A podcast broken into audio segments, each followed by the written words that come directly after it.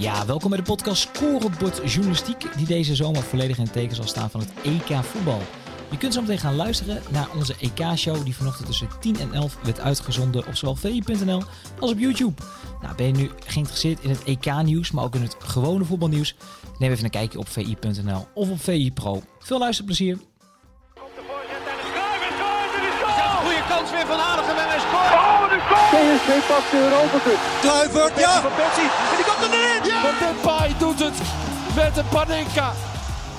Goedemorgen, opnieuw van harte welkom. Het is 12 juni, 10 uur s ochtends, de tweede dag van het EK voetbal 2020, hoewel het nu 2021 is. We kijken naar een belangrijke dag met vanavond om 9 uur het duel tussen België en Rusland. Misschien wel de aardigste van de drie. Vandaar dat we hier in de studio hebben Cyril Dessers, helemaal overkomen uit België om zijn licht te laten schijnen over zijn nationale ploeg, over zijn heden en verleden. We hebben Pieter Zwart die hem gaat bijstaan. En we hebben natuurlijk ook Stef de Bond die het uh, medianieuws voor ons heeft doorgenomen. En in Zeist staat uh, onze uh, collega ter plekke Oranje Watcher Martijn Krabbedam. Eerst gaan we even naar jou. Hey Martijn, goedemorgen. Straks komen we bij jou.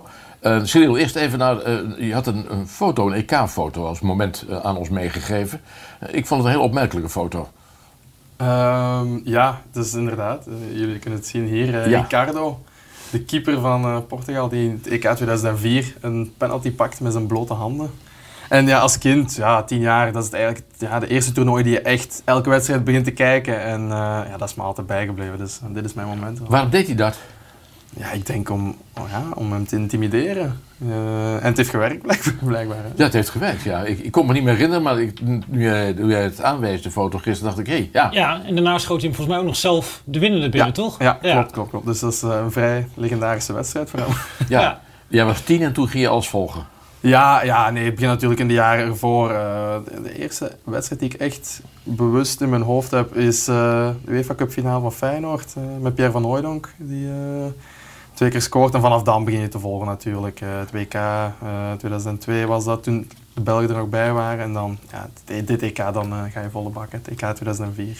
Ja, we gaan straks met jou praten over alles wat jou beweegt in de, in de voetballerij. wij hebben ook nog een moment uitgezocht. Jij hebt dat gedaan, maar wij ook. Het moment van 23 februari 2020. Dat is dit moment.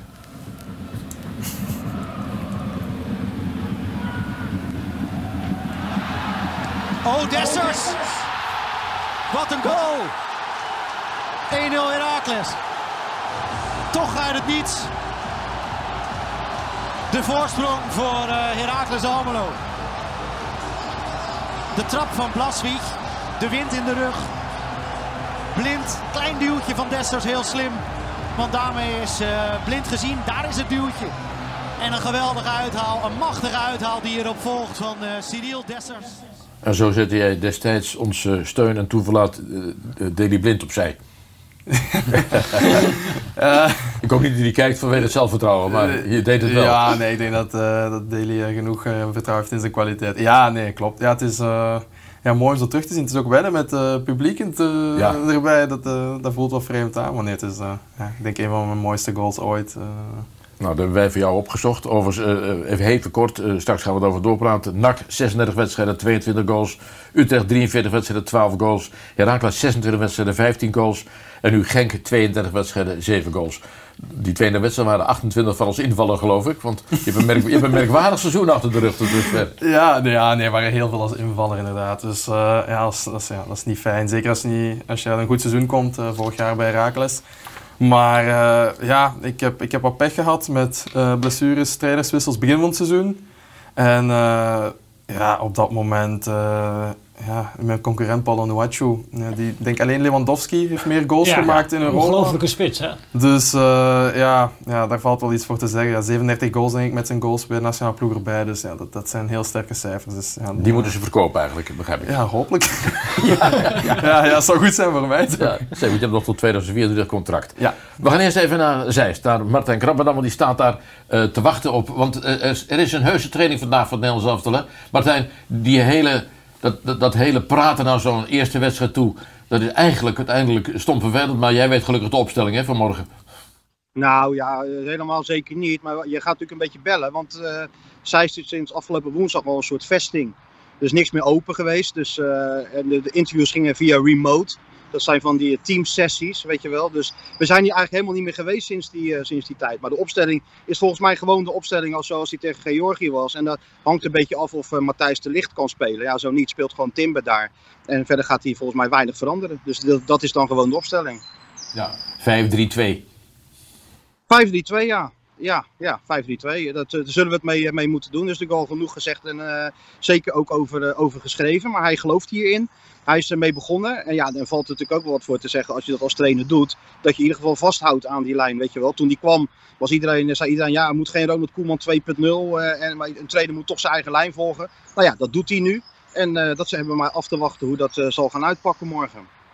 Straks met jou verder praten over het Nederlands elftal. Jij daar in Zeist en wij hier. En dit is ook een heuse training die plaatsvindt om half twaalf.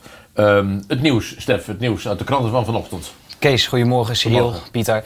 Ja, de krantjes. Uh, we stonden vanochtend weer klaar toen de krantenjongen langskwam. Altijd wel vervelend op die zaterdag. Hè? Die hele zware, dikke zaterdagkranten. Maar we hebben ze onderschept. Uh, eerst de buitenlandse kranten maar even doornemen. Want het EK is begonnen. En dat, uh, dat zien we ook terug in de kranten. Allereerst Italië. Daar gaan we. Want Italië lacht. nou, je ziet de kranten voorbij komen. Italië lacht. Dit is hoe we Italië willen zien spelen. Het is volgens mij vrij laat geworden in de Italiaanse steden gisteravond. Want ja, ze, ze hoopten natuurlijk wel op EK-succes. Maar volgens mij zijn ze nu titelkandidaat in Italië zelf. Ja, en als er gelachen wordt in Italië, wordt er natuurlijk gehuild in Turkije. Ja, de Turkse media, ja, die komen toch met wat minder positieve termen. Uh, daar zijn ook een beetje bang. Gisteren Suleiman Usturk hier nog aan tafel. Die voorspelde als overwinning van de, Turken op de Italianen. Nou, dat, dat zat er niet in. En nu is het meer van, gaan we het overleven? Gaan we de pool wel doorkomen? Dan maken even een uitstapje naar België. Uh, want ja, de, de voetbalkoorts neemt er een beetje toe. Nou, we zien hier uh, het nieuwsblad Code Rood. En de columnist van die krant zegt... jullie hebben ons harten gestolen op het WK. Nu is het tijd om de cup te pakken. Is heel toch wel benieuwd. Leeft het een beetje in België? Begint het te komen? Het, het begint te komen eigenlijk. Het heeft lang geduurd. Maar ik voel dat iedereen een beetje nerveuzer wordt en er wel naar uitkijkt. Uitstekend, uitstekend. Nou, dat gaan we zien. Tot slot nog even naar Spanje. Je zou zeggen, uh, nou, het EK is begonnen. Spanje, voetbalgek land. Gisteren een mooie tenniswedstrijd, Roland Garros. Djokovic, Nadal. Dus dat zal dan wel over, uh, over tennis of het uh, EK gaan. Maar nee, op de cover van in dit geval de Mundo, Depay plus Circa. Oftewel, hij is er bijna. Barcelona zou bijna rond zijn met Memphis Depay. Wat we gisteren al zeiden, de sleutel voor Ronald Koeman. Ja, Pieter, denk je dat dat gaat gebeuren? Nou ja, het hangt allemaal nog heel erg boven de markt. Hè. De ene dag uh, dan komt uh, Juventus concreet en dan gaat het toch weer naar Barcelona. En ja, het begint er toch op te lijken dat het nog over het uh, EK heen getild gaat worden. Maar ja, ze hebben al een spits gehaald. Ze hebben daar nog best veel aanvallers lopen. Dus, en Koeman zit natuurlijk een beetje op de schopstoel. Dus je kunt jezelf wel de vraag stellen of het heel verstandig is voor Memphis om nu die kant op te gaan. Nou, zeker. Nou, dus de Nederlandse krant, we hebben ze er nog even bijgepakt voor het, voor het beeld in ieder geval. Algemeen Dagblad vandaag. Kijk, we hebben er zelfs een, een, officieel zelfs een tune voor, Kees. Het wordt steeds professioneler. het Algemeen Dagblad uh, zegt dat we los mogen. En de column van Sjoerd Mossou, die eigenlijk vraagt... jongens, ga allemaal even achter Frank de Boer staan. Die heeft het al zo moeilijk. Laten we met z'n allen de bondscoach een beetje gaan helpen. Nou, dat, uh, dat gaan we dan maar proberen. De Telegraaf, uh, column van Wim Kieft... Die daarin eigenlijk hetzelfde zegt wat Wesley Snijder gisteren hier aan tafel zei. Dat eigenlijk malen toch wel een betere optie is dan weghorst. Daarin ook trouwens voor iedereen die het echt interessant vindt. Alle spelersvrouwen nog even uitgelicht. Dus als je denkt van nou, dat voetbal interesseert me niet zo. Maar uh, ja, met wie gaan die gasten eigenlijk uh, in de vrije tijd om? Uh, kan wel lezen in de Telegraaf. En Volkskrant tot slot. Willem Vissers, columnist, schrijver van mooie sportverhalen. Komt met de opmerking, ik lees hem even voor. Oranje is een nieuwe auto met hopelijk een goede airbag om zo een klap op te kunnen vangen. Nou Kees, die nemen we maar mee. Ja, dat is hartstikke mooi gezegd. Overigens moet er binnen Pieter dat Depay wel uh, zijn eigen zaakwaarnemer is. Hè? Uh, ja. Dus hij zal het wel over het EK moeten heen tillen, anders is hij er lopend bezig om over zijn gage. Nou ja, hij zal ongetwijfeld een paar uh, adviseurs daar nog wel bij hebben. Inderdaad. Hij wil er zoveel mogelijk wegdoen. Maar zoveel mogelijk wegdoen, ja. inderdaad. Dus dan wordt het wel lastig om tegelijkertijd uh, Oranje door die groepsfase te schieten en een contract uit te onderhandelen. Maar misschien is het dan anders kunnen, Memphis. Ja, nou, dat dus valt hier wel op het veld voor ons te hopen. We horen elkaar straks weer. Hè, Heb jij gisteren gekeken naar Turkije-Italië? Ja, ja, absoluut. En? Ben je, jij bent er echt een liefhebber, hè? Ja, ik ben wel een liefhebber. Ja, ik kijk al veel wedstrijden, zeker bij zo'n grote toernooi. Ja, de eerste helft was het uh, een beetje saai nog, maar ja, de tweede helft kwam het wel wat los en kwam wat meer ruimte, dus het uh, was wel fijn kijken toen. Ja, ik, ik vond het over het algeheel erg tegenvallen, want ik had, ik had meer strijd verwacht, meer gelijkwaardigheid. Ja, ik ook. Ja, ik, uh, ik had van Turkije meer verwacht, maar ze toch een paar mooie namen ertussen hebben staan. En uh, in de kwalificatie ook heel goed hebben gespeeld. Ja. Uh, maar dat is ondertussen ook al... Nederland dik verslagen. Ja, en, maar dat is ondertussen ook alweer een tijdje geleden. Ja, maar ja, ik had wel iets meer verwacht dat ze van eigen kracht zouden uitgaan. En nu was het echt afwachten en hopen op één momentje, maar ja, dat is niet gekomen. Nee, en hoe kijk jij daarna? Nou ja, Italië zit heel goed in elkaar. Tegelijkertijd vraag ik me bij deze ploeg af, want ze worden natuurlijk nu al meteen weer neergezet als de EK-favoriet. Maar eigenlijk is wat Italië doet, is natuurlijk één trucje met die linksback Spinazzola die heel erg hoog gaat staan. Insigne die dan. Die staat ook heel erg goed. Is inderdaad een prima back. Uh, en je ziet, dat was ook weer bij Turkije het geval, dat ze dan eigenlijk geen idee hadden van wie vangt dan Insigne op en wie vangt die back op. Maar ja, er gaat een keer een team zijn dat daar een antwoord op heeft. En dan ben ik wel benieuwd wat Italië dan gaat doen. Als je het bijvoorbeeld tegenover Frankrijk zou afzetten. En je hebt daar Kante in de zone waar je Insigne komt. Ja, dat heeft geen zin om dan daar te komen. En je vangt met Pavard die Spinazzola op. En dan gaat Mbappé lopen in de rug van uh, Spinazzola bij balwinst. Ja, dan denk ik niet van uh, Italië gaat even winnen van Frankrijk. Jij volgt Pieter Zwart, Pieter Zwart hè? Ja, ja, nee, absoluut. Ik ben een fan. Je bent een fan? Ja, ja, ja. Nou, kijk, omdat ik op om tien of tien raak ik meestal hier de draad kwijt. Maar heb, je, heb jij er last van? Nee, nee, nee, ik vind het leuk. Ik vind het interessant. Uh, ja, nee, zeker, zeker. Maar goed, zo gaat het. Als je de eerste wedstrijd wint, uh, in een groot toernooi, dan, uh, dan breekt de euforie los. En datzelfde gewoon goed kunnen gelden voor Nederland. Hè? Ja. want want we hebben, ik heb al die jaren, net zoals velen, die, die oeverloze voorbereidingswedstrijden meegemaakt, die allemaal niet zo gek veel voorstellen. Maar als je de eerste partij wint, dan lopen wij een Polonaise.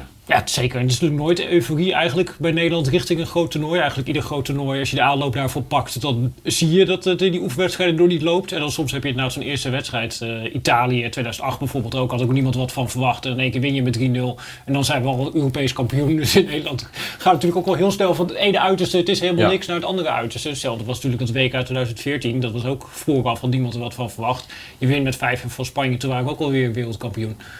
Dat scheelde weinig overigens. Dat scheelde inderdaad Ja. eh, weinig, een Ja. penalty-serie. Je zei net al van eh, eh, België begint het langzaam te leven. Eh, bij grote toernooien is het ook wel een keer tijd. Want België heeft natuurlijk een ge- geweldig materiaal om, om echt heel hoog te eindigen.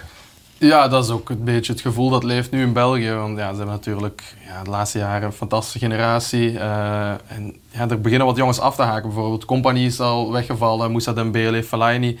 Eh, en nu ja, dan gaan de volgende jongens ook weer afhaken of afzwaaien. En eh, ja, die, die, die, nu leeft dat gevoel, ja, dit is de laatste kans om met deze generatie iets te pakken. En anders gaan we toch weer een aantal jaren ja, en, eh, even in de wachtkamer moeten zitten. Ja, ik, ik, ik pak jouw opstelling erbij. Ja, die is, is nu in dit is, dit, is, eh, dit is de selectie, denk ik. Hè? Ja, dit is de hele selectie. Nou ja, daar kennen we de kwaliteit van. En dit is jouw ideale elftal.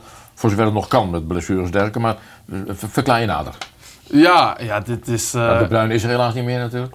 Nee, ja, nee, nog niet. Die, Nee. zou, die zou volgende wedstrijd wel fit zijn. Maar eh, dit, denk, ik denk dat dit mijn ideale ploeg is. Waarom? Ja, Tielemans heeft een fantastisch seizoen gespeeld in, eh, bij Leicester City. Die heeft echt die volgende stap gezet. Die zit nu echt op niveau van die, van die andere jongens, vind ik. En ja, De Bruyne een rijtje hoger achter de spits. Ja, hij heeft zo'n fantastische steekbal, zo'n fantastische voorzet en schot. Ja, dan denk ik dat hij daar wel misschien het best tot zijn recht kan komen. En ja, als je die voorlijn ziet, ja, ik denk dat eh, geen enkel ander Europees land dat, eh, ja, dat heeft. Dus, Maar eh, Hazard valt ietsje tegen dit seizoen. ja, hij is gewoon nog niet fit geweest. De Nee. afgelopen twee seizoenen niet. Maar langs de andere kant is en blijft Eden Hazard. Dus Ja. als die het op zijn heupen krijgt, dan, eh, ja, dan eh, kan die gaan swingen. En dan, eh, ja, dan kan die gewoon elke ploeg op een hoopje spelen. Maar Ja. het is te hopen voor de Belgen dat dat er nog van komt, dit EK. Ja, dit is jouw eh, ideale opstelling. Ja. Eh, en achterin?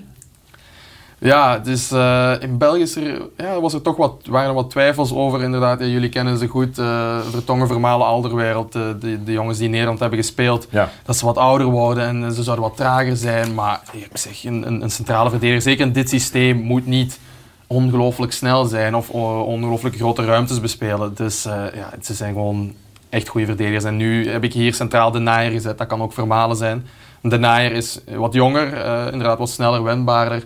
Dus ik denk dat, dat, eh, dat die drie elkaar goed gaan aanvullen. Denk dat het ook de verdediging is die vanavond gaat spelen. Dus eh, ik ben heel benieuwd. Eh, wat vind je van eh, vind je zin en onzin van, eh, van meneer Dessers? Nou, dit lijkt me erg eh, zinnig over eh, België. Maar ik ben wel benieuwd. Nou ja, ook inderdaad die achterhoede, of dat tegen echt serieuze tegenstanders, of dat dan staande kan houden. Ook natuurlijk een beetje aan de zijkant. Dat is natuurlijk ook altijd een beetje een vraagstuk eh, bij België. Er zijn met name natuurlijk spelers. Chatli gaat er waarschijnlijk op links eh, spelen, of Ja. Carrasco kan daar, die Ja, precies. willen aanvallen. Eh, maar als je inderdaad echt een echt goede buitenspeler komt, dan ben ik benieuwd hoe ze dan het gaan opvangen. Nee, het is inderdaad zo. Die, die linker wingback, dat is eigenlijk... Ja, we hebben in België daar niet echt een een één-op-één speler voor. Dus vaak speelt daar inderdaad een Torgan Hazard of een Carrasco die dat goed invullen. Maar dat zijn geen pure wingbacks. En zeker als ze moeten verdedigen, is dat wat moeilijker. Maar eh, is dat nu ook de laatste wedstrijd, eh, was het in, op verdedigend opzicht meer een 4-3-3 geworden. Eh, waarin dat eh Castagne of Meunier dan achterin schuift en dat ze dan met vier op een rij komt te spelen. Ik denk dat dat iets meer zekerheid inbouwt, ook eh, dan op dat middenveld. Dus ik denk dat het eh, iets, iets daartussenin zal zijn. eh, Nou, nee, maar jij, jij bent hartstikke jong nog, hè, vind ik. Ja, Nou voor, ja. Een voet- voor een voetballer al niet meer. hoor. Nou, 27 toch? 26 jaar. 26, nou ja, dus het is hartstikke jong. Maar je, je, hebt een, een- je, je volgt alles, je, je kijkt alles, je kijkt ook tactisch. Dus je, bent, je bent, zit helemaal in je. Ja, ja, ik doe dat wel graag. Ja, ik kijk sowieso graag voetbal. En eh, ja, mijn vriendin, ja, die, die niet zo graag, dus die, die moet dan, die moet dan meekijken. Maar, eh, Wat een leuke maand. Ja, ja, ja precies. Nee, ik, eh, nee, ik, ik kijk graag voetbal, dus ja, dan, dan automatisch dan, dan kijk je ook wel naar die dingen die je zelf herkent of die, die je zelf kan gebruiken als voetballer. Dus ik vind het wel interessant. Ja, nou ja, jouw loopbaan heb ik heel kort tot dusver heel kort geschetst. Met waar je allemaal ge- ge- ge- gespeeld hebt, onder meer bij Utrecht. Daar zat soms Van der Brom. Eh, die is naar Genk gegaan, maar Van der Brom had in Utrecht niet zozeer... eh, de- de- die, nam- die nam Dalmau in plaats van Cyril Dessers, hè? Ja, ja, dus jij stond te juichen toen hij naar Genk kwam. Ehm, ja, nee, het, het was eigenlijk een heel bijzondere situatie. Want ik kwam toen, dat was het jaar met Dick Advocaat, eh, ben ik zwaar geblesseerd geraakt aan mijn knie. Ehm, en eigenlijk zat mijn seizoen erop. En toen op het einde kwam ik toch nog in de ploeg en scoorde ik in de play-offs en scoorde ik in de finale. waardoor dat we ons kwalificeerden voor Europa League. Dus mijn gevoel was heel goed. Ik dacht van ja, misschien is volgend seizoen mijn moment eindelijk gekomen bij Utrecht. eh, kan ik echt als nummer 1 aan het seizoen beginnen in een 4-3-3. Want John van der Brom speelt graag 4-3-3. En ik zeg van ja, dan, dan met, met, met Kerk op rechts, eh, met die jongens erachter, eh, Maher, Gustafsson, Van Overheem. Ik zeg van ja, die kunnen mij die ballen geven. Ja, dat, dit wordt mijn seizoen. En ja, na drie weken kreeg ik een telefoontje dat ik waarschijnlijk geruild had met Dalmau. Eh, en dat ik naar Herakles ging, dus voor mij was dat wel even schrikken. Maar ja, achteraf gezien, voor mij is het wel de goede keuze geweest. ja, En want je het hebt is- daar heel veel gescoord en goed gespeeld. ja, precies. Het, is goed, het heeft goed uitgepakt. En, eh, ja, dan schrik je wel even als, eh, als Van den Brom komt naar Genk. Maar eh, Hallo, Van der Brom komt eraan. ja, ja, maar op Je zich... dacht, ik word weer gereld. ja, gelukkig was de transferperiode al gesloten toen. Dus eh, ja, maar, nee, maar op zich eh, is, dat, is dat allemaal heel goed, heel goed meegevallen. hè. Natuurlijk, we kennen elkaar al uit het verleden, dus dat, dat helpt dan ook wel. Eh, ik heb niet zoveel meer gespeeld onder hem. eh, alleen de laatste wedstrijden dan wat meer. En dan heb ik wat goals kunnen maken. Dus ik ben, eh, ja, we hebben prijzen gepakt. We zijn gedeeld eerste geworden. Ja, tweede plaats Champions League kwalificatie gaan we En spelen. een goed elftal. En we hebben een heel goede ploeg, dus ik zeg het, ja, het, is, het, is, het loopt niet altijd zoals je wilt in het voetbal, maar al bij al mag ik niet klagen en ben ik nu met een goed gevoel op vakantie. Zeker. Eh, je, je bent Nigeriaans international.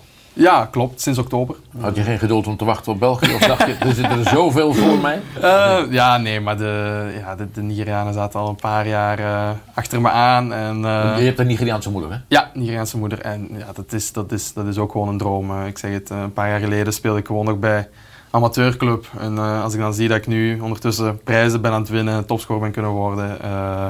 Eh, ja, voor een Nigeriaanse nationale ploeg gaan spelen. Toch een, een- ja, er zijn meer dan 300 miljoen Nigerianen. Dat ik dan bij de beste 30 of 25 zit eh, op dat moment, ja, dat, ja, dat is eigenlijk ja, onwezenlijk. Hè? Dus dat, is- dat voelt wel heel speciaal. Ja, en bovendien hebben ze, mm, hebben ze vaak een aardige ploeg. Ja, nee, absoluut. Ja, we hebben een heel, goeie- heel goede ploeg zelfs. eh.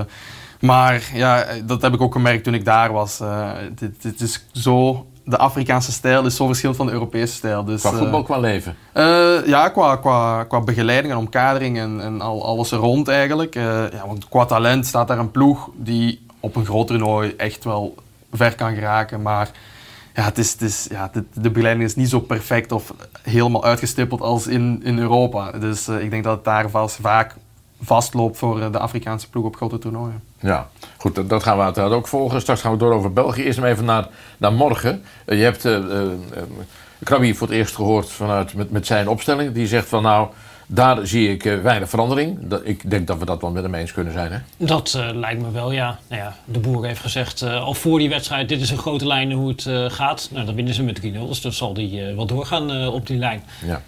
Nou, laten we eens even kijken naar de zogenaamde landenclip. Deze keer is hij van, uiteraard, Oekraïne.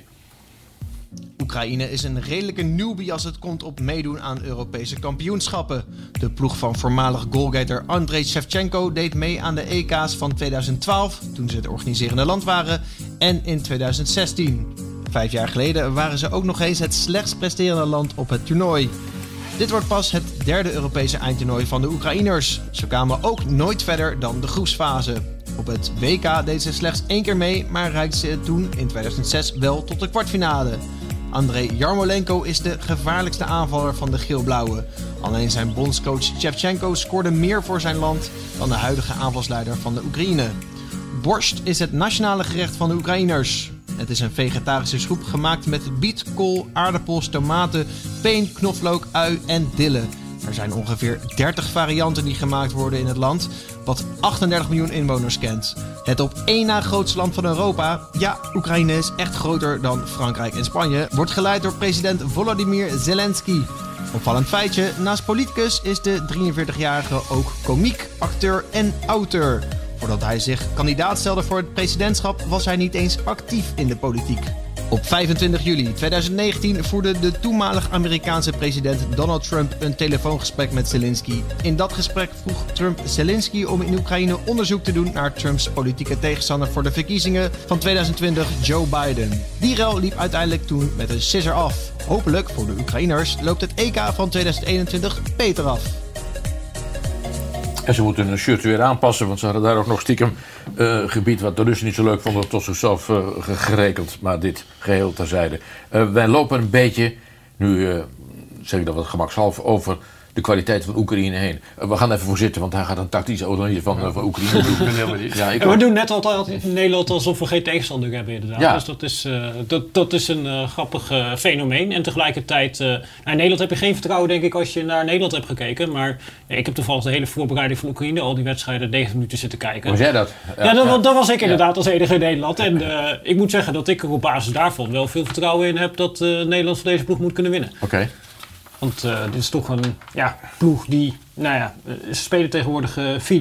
Ze hebben in maart even kort geëxperimenteerd met 5-3-2. Dus dat wordt nog een beetje de vraag hoe dat uh, eruit gaat komen te zien. En ook in de opstelling zijn nog wel wat vraagtekens. Linksbuiten is een beetje de vraag Subkov of Marlos die daar gaat spelen. En ook achterin zou het nog kunnen dat daar Kiesov bij komt als meer ervaren centrale verdediger. Dat zijn een beetje de grootste vraagtekens. En ja, de, de keeper is eigenlijk ook nog een ding. Want ze hebben er drie. en die hebben alle drie één wedstrijd gespeeld in de voorbereiding. Ik heb ook nog even de Oekraïnse media gecheckt van wie zeggen die dat er geen keeper. En daar zie je ook drie verschillende keepers uh, terugkomen. Dus dat uh, zowel de eerste als de tweede keeper van Dynamo Kiev zijn ook mee. Waaronder uh, Piatov, die dit jaar tweede keeper is geworden. Dus dat, dat, dat zijn nog een beetje vraagtekens. Maar ik denk dat ja, tactisch wel redelijk duidelijk is wat zij tegen Nederland verpland zijn. En wat dan? Nou, daar hebben we, als het goed is, hebben we daar uh, een clipje van. Ja, nou, dit is een beetje een opbouwpatroon wat lijkt op wat uh, Italië ook doet. Dus er komt een van de backs, in dit geval de linksback, die komt naast de twee centrale verdedigers. En dan komen ze eigenlijk in een soort van 3-5-1-achtige formatie te spelen. Terwijl het verdedigend 4-3-3 is. Dus dan ja, zie je hier inderdaad die verdedigende stellingen. Dus die combineren eigenlijk twee systemen op die manier uh, met elkaar. En dit is, nou dus hoe ze druk proberen te zetten. Dat is bijna altijd met die buitenspelers die wel meer uh, naar binnen komen vanuit die uh, 4-1-4-1 organisatie die ze dan hebben. Nou, dit is het belangrijkste aanvalspatroon. De bal gaat naar Malanowski. Uh, en dan gaat iedereen denken, oh dat is een spelmaker, die gaat hem geven. En dan komt Sinchenko vaak vrij. Dat is hier ook weer. Dus hij krijgt de bal. Alle blikken zijn op hem gericht en vervolgens komt Sinchenko in de rug van die uh, middenvelders vrij. Dus dat is iets voor Nederland uh, om op te letten. Ja, waar de kansen liggen is met name in dit soort momenten. Vlak na balverlies. Ze hebben niet de snelste verdediging in Oekraïne. Dus ze kantelen met z'n allen naar één kant. En je kunt er dan onderuit spelen als je er onderuit speelt. Ik heb Bahrein counters zien maken tegen hen. Kazachstan die soms allemaal twee, drie keer per wedstrijd alleen voor de keeper. Dus ja, ook Nederland die gaat tegen Oekraïne een paar keer alleen voor de keeper komen naar een omschakelmoment. Want dan geven ze gewoon heel veel ruimtes weg, uh, Oekraïne. En eigenlijk speelt het team, speelt Nederlandser dan Nederland zelf. En ik denk dat we daarvan kunnen profiteren.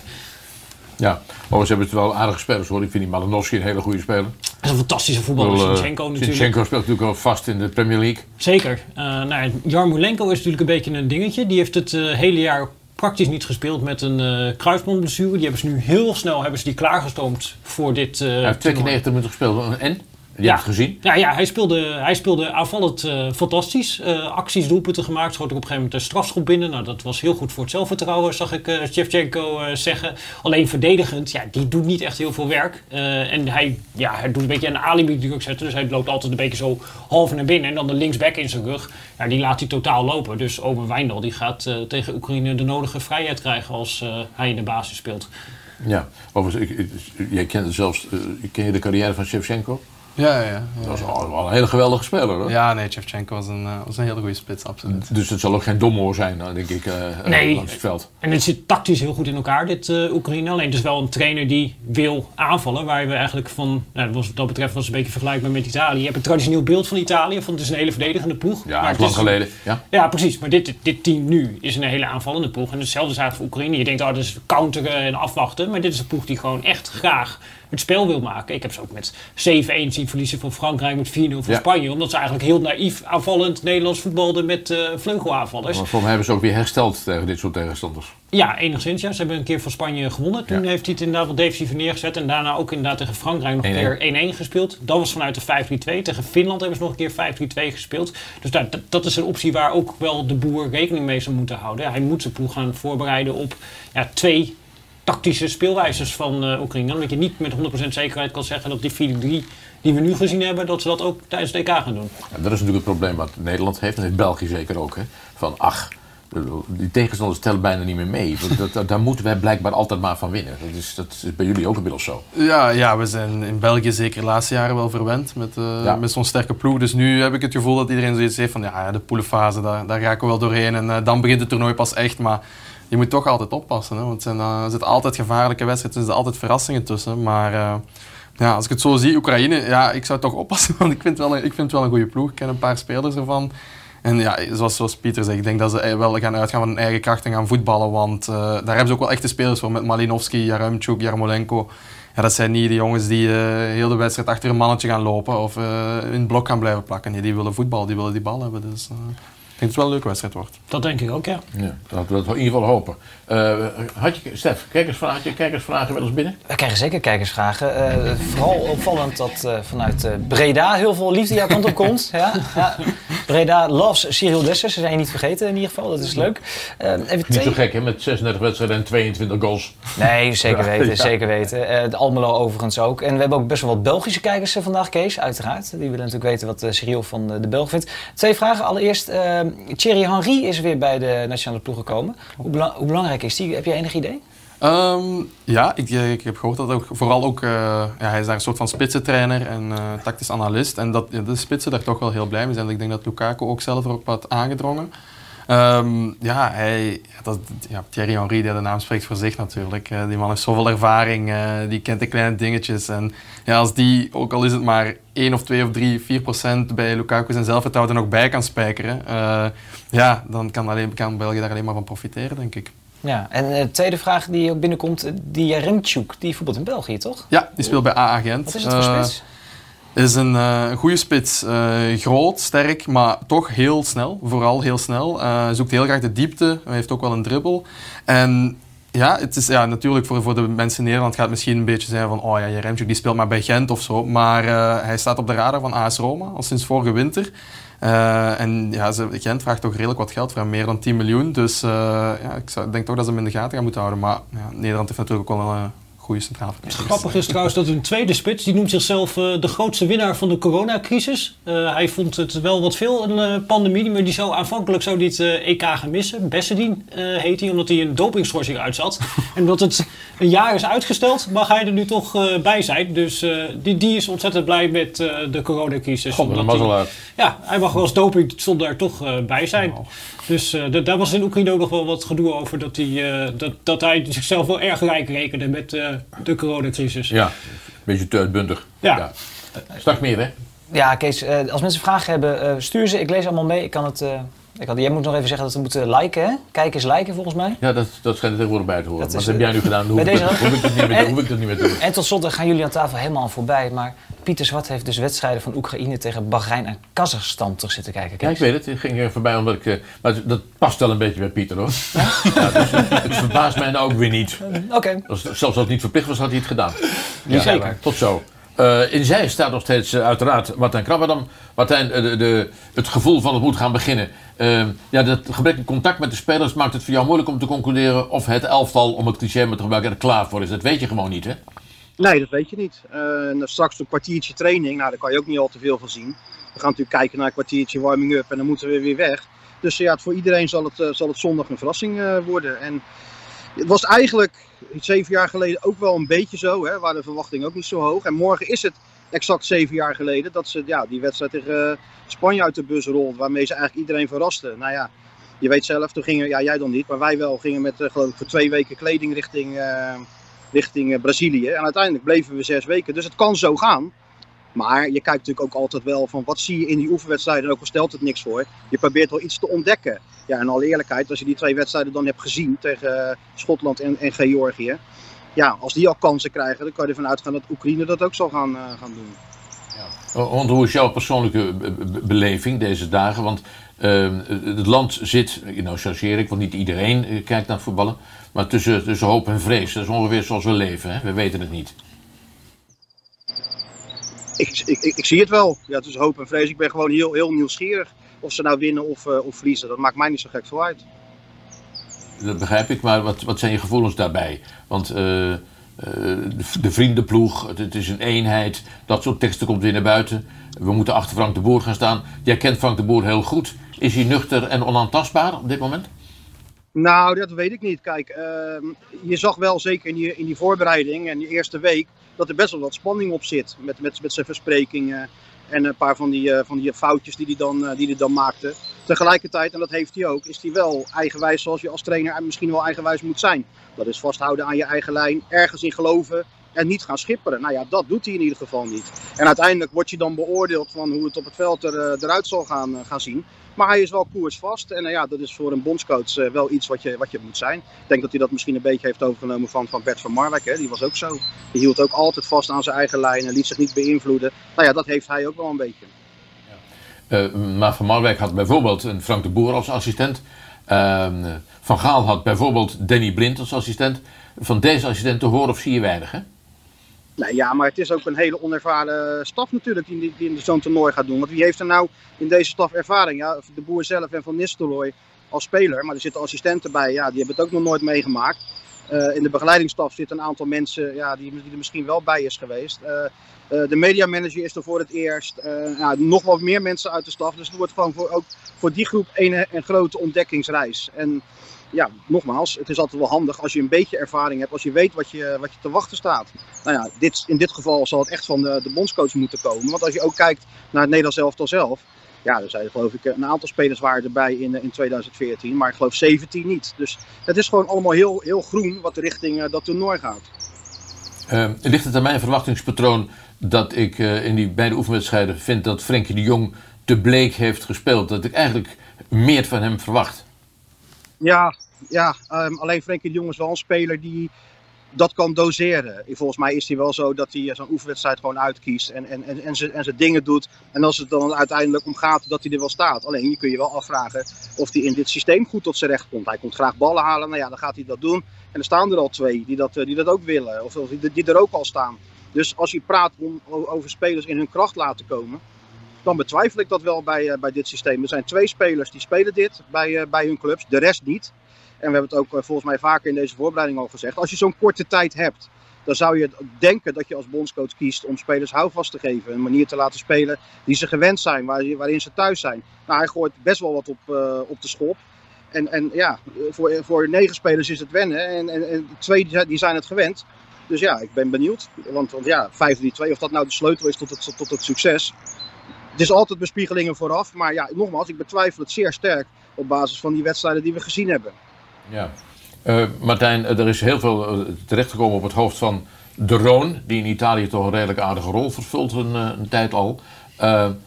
Er wordt ook geroepen om, om bijvoorbeeld Gravenberg te laten opstellen in, in, in die wedstrijd. Hoe zie jij dat in? Denk je dat de boer gaat veranderen? Ik geloof het niet zoals jou nu hoor. Nee, ja, Gravenberg. Er wordt al geroepen, Rens moet komen. Nou, Ekkelenkamp nog net niet. Volgens mij moet half Ajax uh, moet worden opgeroepen. Nee, ja, de Roon speelt dit systeem. En het is wel handig als je in ieder geval één speler hebt die het, uh, die het een beetje kent met, uh, met de Vrij. Dus wat dat betreft geloof ik ook niet dat de bondscoach zal veranderen. Bovendien, hij zat in Portugal bij de persconferentie. toen prees de boer hem nog helemaal de hemel in dat het een geweldige speler is. Dan zou het gek zijn als hij hem een week later laat vallen. Dan moet ik zeggen dat de, de Weghorst ook een tijdje lang niet eens bij de selectie heeft gezeten en nu in de basis staat. Hè? Dus niets is veranderlijker dan een coach. Nee, de, de wegen van de bondscoach zijn wat dat betreft ondoorgrondelijk. Ja, hij zat er nooit bij en nu zit hij er wel bij. En nu is hij ineens uh, basisspeler. Uh, Babel uh, te vuur en de zwaard verdedigd. Dus de EK-selectie wordt bekendgemaakt en hij, hij mag niet mee. Ja, weet je, dat zijn allerlei dingetjes. Als je die bij elkaar optelt, is, zou je het warrig kunnen, kunnen noemen. Ja, en tegelijk wat ik net al zei, het is wel zijn, zijn koers die die, die, die vaart. Ja, en met Weghorst, ja, ja, ja, ik heb Malen zien invallen en ook tijdens de training Berghuis gezien. En een aantal andere spitsen. Uh, zelfs ook Quincy Promes die scherp oogde. Dus de aanvallers die laten het wel zien tijdens training. Maar hij kiest duidelijk voor, uh, voor, de, voor dit koppeltje. Ja, uh, een, la ja, een laatste onvermijdelijke vraag. Het kan niet anders, terwijl ik weet dat je weinig kunt toevoegen aan. Hoe is het met de licht? 60% kans zou hij van de week. Dus hij zal die training nu zou die goed moeten doorstaan. En dan zou hij kunnen spelen. En dan moet je nog maar afvragen of het uh, verantwoord is om dan een risico te nemen al in de eerste wedstrijd. Ik kan hem ook nog een paar dagen geven dat hij de rest van het toernooi misschien uh, beter voor de dag zou, uh, zou kunnen komen. Maar nogmaals, dat, dat, ligt nu aan straks.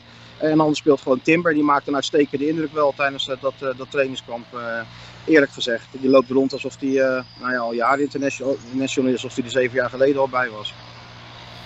Dankjewel Martijn. Ik wens jou een prettige dag en een kwartier trainen. Fijn, zo zaterdag ook weer mooi gevuld. Hè? Als we maar van huis weg zijn, Kees. Hè? Dank je Martijn. Uh, tot, tot gauw. Uh, overigens, uh, we hebben het de hele week over 5-3-2 of 4-4-3 of wat dan ook. Ja, onze Matthijs gaat natuurlijk op stap om te kijken wat het volk ervan vindt.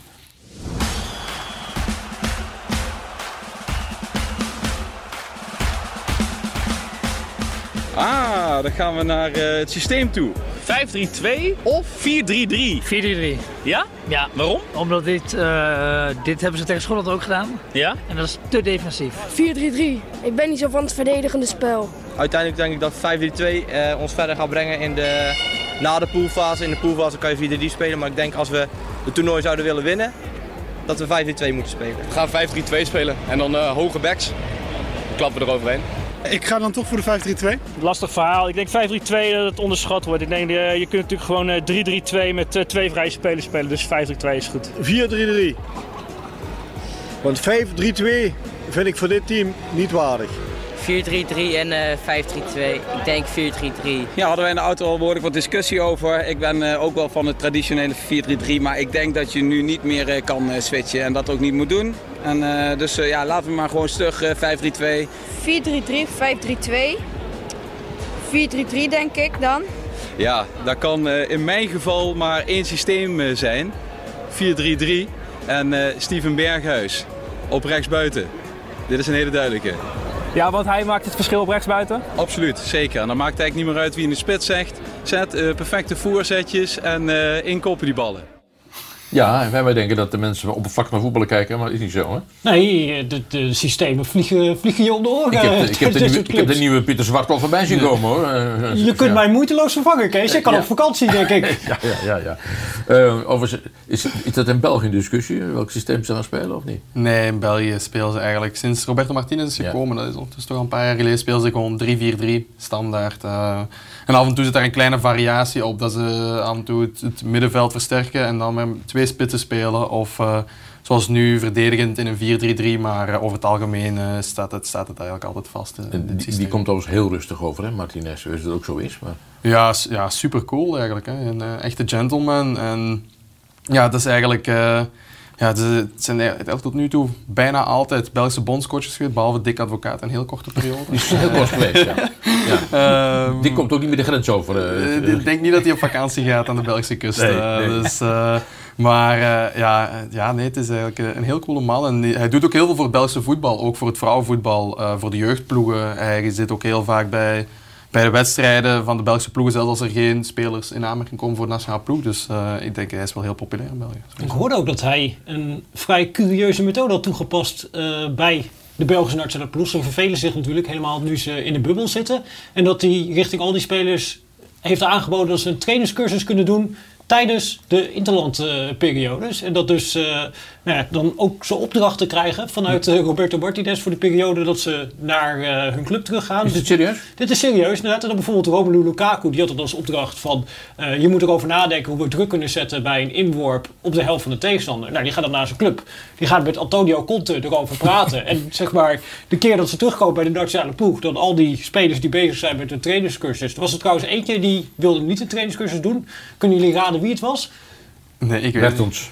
Eden Hazard. Ah. De, de eigenzinnige Eden Hazard die dacht, dat is niks voor mij. Uh, maar de rest die uh, zitten in de thuisstudie en die komen terug bij de nationale ploeg met uh, huiswerk over tactische details. Ja, ik kan me niet voorstellen dat ze er echt geïnteresseerd in zijn op dit moment, maar goed, dat kan van wel. Ja, nee, ik had het al gehoord. En ja? dat ze allemaal samen in een groep zaten voor de trainerscursus en dat ze dat, nadat er, ja, er zitten een paar echt potentieel heel goede trainers tussen, heb ik gehoord. Steven de Voer wordt genoemd. Vermalen maakt een heel goede indruk. Dus uh, ik, ben wel, ik ben wel benieuwd wat er van komt. Je kent ook de Nederlandse spitsen. Je kent ook de discussie in Nederland. uh, um, nou ja, we, we, laten, we, laten we beginnen. Uh, Weghorst is natuurlijk... Ja, die, ik vind dat hij het geweldig heeft gedaan in de Bundesliga. Niet alleen ik vind dat, vindt iedereen. Hm. is dat eerst niet bij de selectie wel is, is dat jouw type spits? Of kies jij meer voor een Malen? Um, ja, Weghorst. Ja, bij, bij Utrecht konden we hem niet zo goed uitstaan. Maar, waarom niet? Ja, ik denk dat iedereen dat wel weet waarom. maar uh, nee. het was, ja, nee, ja, hij is natuurlijk super vervelend op het veld. Ja, ja. dus, uh, maar ik vind het wel echt een goede spits. Uh, dat vond ik bij AZ al. En die, dat, hij is alleen maar blijven evolueren. En ik vind dat hij nu echt op een, op een, op een absoluut topniveau zit binnen Europa. En als je dan ziet ook dat hij een ploeg van, als Wolfsburg, die toch een paar moeilijke jaren hebben gehad, nu gewoon naar de Champions League plaats gaan schieten, ja, dan, ja, dan, dan vind ik wel dat je zeker je plaats hebt binnen Oranje. Dit heet dan in, in uh, grote mensentermen uh, hij heeft zich goed ontwikkeld. dat is heel mooi gezegd. Ja, hè? maar het is, echt, het is ook echt waar. Ja, ja nee, maar dat, dat is geen geheim. Ik denk dat iedereen Weghorst ja. en zijn karakter wel kent. En dat hij gewoon, hij doet er alles voor. Hij werkt er zo hard voor. En het is, het is volledig zijn verdienste waar dat hij op dit moment staat. Goed, als dat dan, zien. Als je ook ziet hoe dat hij viert bij zijn goal, ja, dan zie je, want ja, die, die jongen die droomt ervan. Maar op dat moment is dat totaal niet realistisch als kind of, of als 18-jarige. Dus je dan ziet dat hij het nu tien jaar later daar staat en het doet. Ja, dat komt alleen maar door. Nou ja, dat, daar zit een vorm van irritatie bij anderen in. Ik hoop niet bij zijn medespelers. Nou, die juichte flink mee toen hij scoorde tegen Georgië. Van, dat het een beetje, beetje overacting is, hè? Dat, wat, wat hij nou doet. Ja, je hoort het ook wel van medespelers van hem bij andere clubs. Ook wel van de begeleidingsstaf inderdaad. Want ook op trainingspartijtjes is hij zo ontzettend fanatiek. Uh, en ja, gedraagt hij zich ook op een manier wat medespelers nog wel eens uh, irritant uh, kunnen vinden. Dus nou, dat is wel inderdaad uh, interessant wat dat doet voor groepsdynamiek. Maar ik denk dat je als trainer alleen maar blij mee bent dat je één iemand hebt die er altijd als eerste op het veld staat en als laatste er vanaf gaat. En ondertussen nog bezig is in de gym en een eigen begeleidingsstaf heeft. Uh, ik hoorde een verhaal, hij kwam bij uh, AZ binnen en daar hebben ze er allemaal van die specifieke shakejes. En dat werd hem uitgelegd van uh, hoe het voedingsprogramma in elkaar zat. En die, die ging dan richting de voedingsexpert van AZ, zei, ging die zeggen van ja nee, ik heb mijn eigen shake. En die, deze, deze ingrediënten, en daar, daarom is dat eigenlijk een veel betere shake. Dus dat, dat, dat, is, dat is typisch ja. voor het karakter Wout Weghorst, denk ik. Milkshake zou ik zeggen. Nee, maar goed. Heb je ook kijkersvragen over Weghorst en Maal of niet? of ik je vragen het, het gaat in de chat vooral over wie dan de zo, dat, dat gaat betekenen. Ik schrik er bijna van, Kees. Nee, het gaat in de chat vooral over de vraag wie. Nou, de, de, meeste uh, kijkers op dit moment uh, zijn fan van Malen. Ook Gavenberg uh, boven de Roon, zo gezegd. Nog wel een paar vragen binnen. Je hebt het over die trainerscursus, Cyril. mensen die vragen of jij een goede trainer zou worden. Vind ik wel leuk om op te merken. Jij ging naar België toe. Toen zocht jij nog app-contact met mij, omdat je een abonnement op VI Pro wilde hebben. Uh, ja, ja, nee. Dat, geeft wel wat aan. nee, ja, VI Pro lees ik sowieso wel. Uh, aanraden voor iedereen, als ik uh, reclame mag krijgen. um, nee, trainer worden. Dat vind ik een heel moeilijke vraag. Uh, langs de ene kant heb ik het gevoel dat als, ik, als mijn carrière voorbij is, dat ik me een beetje wil settelen. Want dan heb ik al heel, ben ik al vaak verhuisd. En om dan op één plaats te blijven. En ik heb het gevoel als trainer dat ja, het hangt aan een zijde draadje bij wijze van spreken. En, uh, ik zou het heel jammer vinden moest ik mijn vrouw en mijn kinderen moeten laten verhuizen. Omdat uh, de spits of de rechtsbuiten de bal buitenkant paal schiet in plaats van binnenkant paal. En daar, daar, dat, met dat, ja, dat dunne lijntje als trainer, daar heb ik wel wat moeite mee. En dan, uh, ja, dan, dan denk ik na over jeugdtrainer zijn. Um, en dan, dan zag ik vorige week de documentaire van Voetbaldroom op NOS. En dan denk ik ook van ja ik vind dat, ik vind dat zo'n vreemde wereld, dat ik, ja, dat, daar had ik ook niet het gevoel van dit wil ik 100%. Ja, er, dus... er zitten overigens, zeg maar even, jongens van mijn eigen clubje in die daar, daar worden gevolgd. Wat, wat vind je daar vreemd aan? Wat, wat ik vreemd vind is dat de totale obsessie van de ouders eh, soms meer aanwezig dan bij de kinderen om te slagen. Had, Ja. jij, had jij die druk dan niet van, van jongs af aan? Oh nee, totaal niet. Nee, mijn ouders zeiden ook altijd van eh, school is nummer één en eh, ja, voetbal is je hobby. En dat is eigenlijk zo gebleven tot, totdat ik prof werd. Eh, zelfs op dat moment studeerde ik aan de universiteit en was voetbal gewoon mijn plan B. Ging ik in de avond trainen. En als ik zie dat er hier jongens zijn die op hun, op hun dertiende verhuizen naar de andere kant van het land Ja. en, en, en eigenlijk hun school op dat moment al opgeven om eventueel in een jeugdploeg terecht te komen, wat absoluut geen garantie heeft, want het jaar erna kan je, ja, kan je gewoon weggestuurd worden. Of komt er iemand anders die beter is. En dan denk ik van ja, dan heb je op, dat, op die leeftijd al zoiets groot opgegeven. En je kan je heel moeilijk terug eh, van komen. Dus ja, spitsentrainer of zo zou ik wel heel leuk vinden. Maar ik denk niet dat ik echt, eh, echt eh, ambities heb binnen de trainerswereld. Maar, maar goed, je, jij duurt nog zeven jaar. Dus, eh, Ja, nee, dat is waar. Misschien bedenk ik me nog. Ja, maar overigens, wat studeerde je? Je hebt je studie wel gestopt.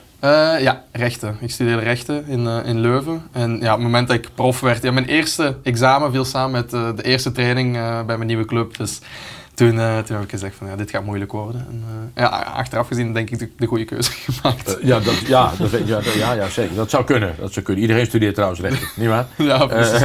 Overigens, Wesley Sneijder is er gisteren bij ons in de uitzending. En die had ook een voorkeur over wie eigenlijk in de spits moet spelen, toch? Malen vind ik, eh, vind ik een geweldig spits. En ik denk echt dat als hij de kans krijgt dat hij gaat spelen, dat hij wel eens eh, voor een sensatie kan zorgen dit TK. Want Ja. ik ben echt gecharmeerd van die jongen. En, en je ziet ook elke keer als ze samen spelen, Memphis en Malen, dat ze elkaar zoeken, ze kunnen elkaar goed vinden. En ja, er is, en er is een hoop beweging natuurlijk. En ik, ik zou eerder voor beweging kiezen. Spe- twee spelers die ook in de ruimtes kunnen duiken, dan één statische spits daar, eh, daarbij. Ja, dat was de Wat is jouw mening? Nou, ik denk dat je het een beetje per wedstrijd moet bekijken. En dat tegen deze specifieke tegenstander met een vrij statisch centraal duo, die met veel ruimte soms in de rug spelen, dat je dan meer hebt aan een type malen. En het zal mij ook niet verbazen als dit de wedstrijd wordt waar dan Weghorst start en dan na een uurtje malen erin komt. En dat die dan uiteindelijk het verschil eh, kan gaan maken. Want ik denk dat ze met hem veel meer moeite hebben. Tegen Noord-Ierland staat er ook zo'n lange spits. En dat zijn twee fantastische verdedigers. Maar als ze tegen een type malen staan, dan eh, komen ze te zwemmen. Dus, dus jij zegt eh, een uurtje beuken en dan eh, malen voor het loopwerk. Ja, precies. En dan eh, komen die ruimtes er. En eh, ja, die kan daar maximaal van profiteren natuurlijk. malen met zijn snelheid en explosiviteit. Ja, ik zei vooraf tegen jou, wat doen we eigenlijk met Luc de Jong? Ik heb vooraf gezegd van, Weghorst hoort erbij, maar dan moet je Luc de Jong niet meenemen. Want het wordt een beetje, wordt een beetje ingewikkelde rol voor hem. Dan is hij reserve-sub of eh, reserve, reserve-sub eh, van het Nederlands elftal, zoiets. Ja, lijkt mij juist perfect om hem erbij Ja. te hebben. Kijk, je hebt veel minder aan Joel Veldman die op de bank zit. Je ziet nu inderdaad, ja, Matthijs de Ligt is geblesseerd. Zelfs dan speelt Joel Veldman niet. En Luc de Jong, ja, daar gaat zich een scenario voordoen waarin je in één keer heel blij bent dat ja, je tien minuten voor tijd nog een doelpunt moet maken. Je hebt een wijze van spreken heb je Weghorst al gewisseld. En ja, dan is het lekker als je nog Luc de Jong kan brengen en dan gebeurt er in ieder geval iets. Dus ik denk dat dat een hele nuttige wisselspeler is om op de bank te hebben. Lijkt me wel erg, hè? Om zo, zo, Luc de Jong is een fantastische, sympathieke speler. Maar ja, eh, je, je zit vier weken in het trainingskamp en het aantal speelminuten zal gering zijn. Jij moet het herkennen dit jaar. ja, nee, zeker wel. Ja, maar eh, ik denk dat het voor bij de nationale ploeg en zeker op een groot toernooi toch wel helemaal anders is. Dat je gewoon blij bent dat je in die selectie zit en dat je, ja, je hoort ook heel weinig dat spelers klagen over een gebrek aan speelminuten bij een nationale ploeg, omdat ze gewoon al blij zijn dat ze erbij zijn en hopen gewoon een steentje bij te dragen. Ik denk dat Luc de Jong sowieso nog wel zijn moment zal krijgen en ja, het is een luxe supersub, vind ik. Ja, en een super prettige man. Overigens, nu gaan we naar de Belgische wedstrijden. We hebben op kaart uiteraard voor alle duidelijkheid wanneer België speelt. Die beginnen dus, eh, zitten, ja, de pool, je kan nog zeggen wat je wil, die beginnen dus vanavond in Sint-Petersburg tegen de Russen. Dan eh, spelen ze tegen Denemarken en dan tegen Finland. Hier is het eh, programma, zeg ik het juist in de volgorde? Eh, de- ja, is Ja, dat is voor vandaag. Ja, dat is voor vandaag. Dat is van België. Ja. Ja. Ja, dit is België. Dit is het programma De Laatste tegen Finland. Overigens, eh, we, hebben, we hebben nog een, een landenclipje ook klaarstaan van, van Finland. Want dat is ook weer een land dat plotseling en onverwacht met Poekie in de aanval eh, bij het EK terecht is gekomen. Hebben we een landenclip klaarstaan? Dan mogen we nu even het vertonen. De landenclip van Finland. De maagd van groep B luistert naar de naam Finland. Dit is de eerste keer ooit dat de Finnen meedoen op een EK-eindronde. Ze trappen het toernooi af tegen hun buurland Denemarken. Wie in Nederland aan Finland denkt, denkt automatisch aan Jari Liedmanen. De Fin maakte furore in het shirt van Ajax en speelde daarna ook nog voor grootmachten Liverpool en FC Barcelona. De man van glas werd in 2003 door de Finse Voetbalbond verkozen tot de beste Finse voetballer van de afgelopen 50 jaar. Liti, zoals ze hem liefkozend in Finland noemen, heeft ook de meeste interlands gespeeld voor Finland en de meeste treffers gemaakt. Nu is Teemu Pukki de doelpuntenmachine van Norwich City de eyecatcher bij de Finse ploeg. Pukki tekende in 2018 voor de Canaries en werd direct speler van het jaar. Hij scoorde in de EK-kwalificatie 10 keer in 10 wedstrijden. Dus vooral dankzij hem speelt Finland zijn eerste EK ooit. De volledige naam van de president van Finland kan ik zelfs niet uitspreken. En daarom staat hij hier mooi geschreven in beeld. Ik noem hem liefkozend Sauli. Sauli is sinds 2012 aan de macht in Finland. Zijn eerste vrouw, Marja-Lena, overleed in een tragisch auto-ongeluk. Hij schreef er een boek over genaamd Five Years of Loneliness. Hij is inmiddels gelukkig hertrouwd. Poronkaristis, ik neem aan dat ik dat is het nationale gerecht van Finland. Gebakken rendier met bessensaus en aardappelpuree. Vind ik leuk. Gaan Poekie en Co. op hun allereerste EK ooit een goede indruk achterlaten? Ja, Sidel, wat jij zei eigenlijk vooraf ook al. Ja, lekker. Denemarken is ook nog. Het is niet eens zo echt makkelijke pool hè, waar België in zit. Uh, nee, nee, zeker niet. En uh, ze hebben natuurlijk het nadeel dat ze zowel in Rusland tegen de Russen spelen Ja. als in Denemarken tegen de Denen. En ze hebben niet zo lang geleden een oefenwedstrijd gehad tegen Denemarken. En die wonnen ze wel, maar Denemarken kwam daar op voorsprong. En dus, ja, Denemarken is gewoon een goede ploeg, dus ja, ze moeten een beetje oppassen. Maar ja, dan nog, dit EK is het bijna onmogelijk om niet naar de volgende ronde te gaan. Dat klopt. Dus uh, dat moet ook wel lukken. Ja, je, je- je- zelfs met eh, twee punten gewoon geloof ik, kan je nog, eh, kan je nog, eh, Ja, kan je nog doorgaan naar de volgende ronde. Ja, 8 van de 24 gaat er niet. Dus in principe heb je bijna 70% kans om de volgende ronde te halen. dus Welke het kan losers zullen dat zijn? gaan. ja, ja, ja, ja. En stel je voor dat we erbij zitten.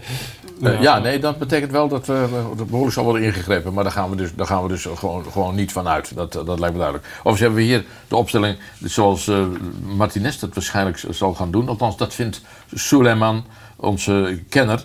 Wat, ik, ik kan je het zien, deze opstelling? Goed Ja. meelezen. En wat vind je hiervan? Ja, ja nee, dat is natuurlijk ingegeven door eh, een paar jongens die nog niet fit zijn. Ja. Eh, op middenveld speelt een donker in de plaats van Witzel. Die ken ik niet zo goed. Ehm, de donker komt uit de jeugd van Anderlecht. Die heeft dan een transfer gemaakt naar Wolverhampton. En die speelt daar eigenlijk... eh, ja, die speelt daar... Het afgelopen seizoen heeft hij misschien iets minder gespeeld. Maar de jaren daarvoor speelde hij heel veel. En dat is gewoon echt een, een loper die blijft gaan. eh, groot, sterk. Kan ook centraal achterin, hè? Kan ook centraal achterin. Maar het is toch een ander type dan Witzel. Die meer een positionele verdediger is. En, en daarvoor die balans zorgt. En dan... Ja, Shadley speelt nu. Hij staat op linker, linker wingback. Ehm, ja, ik denk dat dat vooral ingegeven is omdat... eh, ja, Carrasco speelt een rijtje hoger op de plaats van Hazard. Eh, Carrasco is natuurlijk in topvorm van... Oh, allez, met Atletico kampioen gemaakt. Dus eh, die krijgt zijn kans daar als Hazard er niet is. Maar ik verwacht dat hij eh, een rijtje terugzakt als Hazard terug fit is. En voor de rest ja, spreekt, spreekt het redelijk voor zich. Castagne in plaats van Meunier. Dat is wel vrij verrassend, omdat Meunier toch een grote naam is bij PSG, Dortmund. maar Castagne doet het fantastisch bij Leicester City en ik denk dat hij wel verdiend speelt. Ja. Het, wordt even tijd, we hebben daar even de tijd voor, om een lofzang over Kevin de Bruyne af te steken. Dat is volkomen overbodig, dat doet iedereen. Maar het zou gênant zijn als we het niet doen, want de man is, ik, vind hem, ik vind hem geniaal. Ja, nee, het is een onwaarschijnlijk eh, goede voetballer. En hij is de afgelopen jaren onder Pep Guardiola alleen nog maar beter geworden. En ook alleen maar veelzijdiger geworden. Als je ziet op hoeveel verschillende posities hij ondertussen kan spelen. Ik weet nog dat toen Guardiola kwam, toen werd hij altijd een beetje zo weggeparkeerd aan de rechterkant. eh speelde hij bij Wolfsburg natuurlijk ook eh, vaak. En dan mocht hij af en toe naar het midden komen. En nu, ja, hij kan overal spelen. Controlerende middenvelder, linksaanvallend, rechtsaanvallend. Die kan eh, spits kan die tegenwoordig ook spelen. ja, je ziet hem overal opduiken. En ik denk, ja, met zijn creativiteit en de kansen die hij creëert. ja, dat, dat soort spelmakers, die zie je in Europa ja, praktisch niet van het niveau wat eh, Kevin de Bruyne heeft. Nee, ja, nee, dat klopt. Eh, Het is helemaal zoals je het zegt. En, eh, hij, blijft, hij blijft nog beter en beter worden. Dat zie je ook aan zijn, zijn, zijn cijfers en statistieken. En assist, ook in de nationale ploeg. En ja, het is, het is heel jammer dat hij, er, dat hij er niet bij is nu de eerste wedstrijd door, zijn, ja, door het ongelukje dat hij heeft gehad in de Champions League finale. Maar, Ongelukje, ongelukje, ja. eh, maar ja, in, in België zijn ze eigenlijk eh, redelijk op hun gemak daarover. En hebben ze het gevoel van, ja, die komt er de volgende wedstrijden wel bij. En ja, het gevoel, ook bij Kevin De Bruyne, is die is altijd in vorm. Die heeft geen aanloop nodig om in vorm te gaan. Die, als die, die staat er altijd. En dat gevoel hebben de mensen nu ook. eh, van- Ik, ik vind hem, dat klinkt heel belerend, maar dat bedoel ik echt niet zo. Ehm, qua persoonlijkheid is hij ook, vind ik, veel nadrukkelijker aanwezig dan, dan, dan een paar jaar geleden. Het is, eh, het is een mannetje. Ja, nee, dat, uh, ja, hij komt natuurlijk van, van Kaarse Genk af, uh, uit de jeugd. En daar, ja, daar was het eigenlijk toen al zichtbaar. Ik weet ook dat ik toen naar de wedstrijden of het stadion keek en daar was het eigenlijk toen al zichtbaar. En dat is er toen eigenlijk een beetje uitgegaan. Maar nu dat hij terug ja, de ster is en de, de echte uitblinker in elke ploeg waar hij nu speelt, ja, dan, dan komt dat terug naar boven natuurlijk. En ja, ik vind het wel mooi om te zien. Ja, maar het was een hele rare blessure, want ik dacht eerst, het valt wel mee. Uh, hij stond ook weer op en vervolgens ging hij, dat oog zag er natuurlijk niet uit. Vervolgens ging hij toch behoorlijk tegen de grond. Ja, nee, precies. En hij is, eerst leek het niet nodig, maar hij is uiteindelijk toch wel geopereerd ook. Dus hij moest wel echt even rustig aan doen, een week. Maar hij is nu aan het herstellen. Hij is in België gebleven samen met Witzel om te, te, te door, door te trainen. En ja, dan gaan ze van hieruit denk ik de ploeg volgen. En hopelijk kan hij dan ja, deze week dan aansluiten op training. Oh, hij is niet mee naar Sint-Petersburg nee, nu? Nee, nee, nee. Nee, nee hij zit, zit, ja, dat is logisch. Ja, als Hem, uh, je had het trouwens over zijn statistieken. Dat is ook wel een uh, grappig verhaal. Hij heeft net als Memphis uh, geen zaakwaarnemer meer, Kevin de Bruyne. En hij heeft zijn statistieken gebruikt om zijn contract te verbeteren bij Manchester City. Dus hij heeft het databureau ingehuurd. En die heeft hij gevraagd van... Goh, kunnen jullie eens kijken hoe belangrijk ik ben voor deze ploeg? Toen is hij met die statistieken... Die heeft hij op een bureau gelegd van de technisch directeur. En uiteindelijk heeft hij daar 30% contractverbetering uitgesleept. Dus 30%? 30% Hij had al een behoorlijk contract hoor. Ja, ja dus... dan, dan kan jij ook zaakwaarnemer worden binnenkort. Nou ja, ik, ik dacht wel toen ik het verhaal hoorde, ik heb eigenlijk uh, mijn verkeerde beroep uh, gekozen als het ja, gaat. Heb, heb, jij een zaak met nee, kan, ja, ja, nee, we kunnen misschien wel samen keren. Ja, ja, ja, ja, ja. Ik een hele stomme vraag. Ik, ik, ik was altijd wel gecharmeerd van Van Aken. Ja. Speelt hij nog een rol in de nationale ploeg? Of, uh... um, ja, jawel. Nu ook in de wedstrijden in de voorbereiding ja. heeft hij ook uh, zijn kans gekregen. Um, ja, het, het, het, probleem is voor hem natuurlijk dat op zijn positie... Er staat al uh, wat, ja. Daar staat al wat, ja. ja, je, ja we noemen de namen De Bruyne, Hazard... Andere Hazard, Carrasco, uh, Mertens, Tielemans, ja, die, die zijn op dit moment nog een niveautje hoger. Maar ja, Hans uh, zit, er, zit er vast bij eigenlijk. En uh, als hij mag spelen, doet hij het ook gewoon echt goed. hij heeft ook, ook een intelligente speler, vind ik. Ja, ja nee, doet, doet, doet alles puur op spelintelligentie en, en, en heeft gewoon super goede voeten. En de, de naam, die, jij, jij, kent hem, ik, ik heb hem he, maar heel weinig zien spelen bij Stade Rennes. Maar Doku schijnt ook een, een neurotalent te zijn, hè? Ja, nee, absoluut. Nee, die, is, uh, ja, die was 18 jaar toen die door Anderlecht werd verkocht aan Stade Rennes voor 28 miljoen, als ja. ik me niet vergis. ja, dat, ja, voor zo'n bedrag, ja, dat, dat, dat spreekt voor zich. En inderdaad, in België zien ze hem als ja, hopelijk het begin van de volgende nieuwe gouden generatie. En ja, hij is ongelooflijk snel, hij dribbelt super vlot. Uh, het enige wat er nog een beetje aan ontbreekt is wat efficiëntie, goals en assists. Maar uh, ja, daar maken we ons in België geen zorgen om, de, die komt er sowieso wel. Heel goed.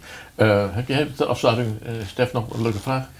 Ik heb zeker leuke vragen. Zullen we eerst even het uh, Nederlandse nieuws meepakken? Het, ja, het algemene voetbalnieuws, Kees. Ja. Want we blijven tijdens het EK natuurlijk gewoon volgen, al het nieuws. De clubs gaan bijna weer in voorbereiding, dus uh, er gebeurt uh, voldoende overal. Ik zat trouwens wel te denken, als Cyril Dessers nou vorig jaar in de winterstop bij Heracles Almelo naar binnen was gekomen met statistieken, dan was hij klaar met voetballen nu waarschijnlijk. Dan uh, met pensioen gekund. Dat terzijde. Um, gisteravond onze Ajax-collega Freek Jansen kwam met het nieuws dat Karel Eiting een, voor een mooie transfer staat. Die zou naar Genk kunnen gaan. Cyril, heb je nog een middenvelder nodig? Uh, ja, hij is wel welkom. Ik vind het wel een goede speler. Goeie dus, speler. Ja, die kan me ook wel een balletje bezorgen. Dus uh, Karel mag komen. Karel mag komen, dat is goed. Nee, John van Brom kent natuurlijk Karel Eiting uit de Nederlandse competitie. Dus dat zal goed komen. PSV-collega Marco Timmer, die is voor ons op pad. Die gaan we de komende dagen ook in de uitzending zien. Maar die had toch nog wat PSV-nieuws. Guti Gutierrez zou verhuurd kunnen worden aan Fiorentina. Is natuurlijk niet helemaal lekker uitgekomen bij PSV dit seizoen na een blessure. Ja, Pieter, ik leg hem even bij jou neer. Is dat een oplossing, een huurdeal met Fiorentina?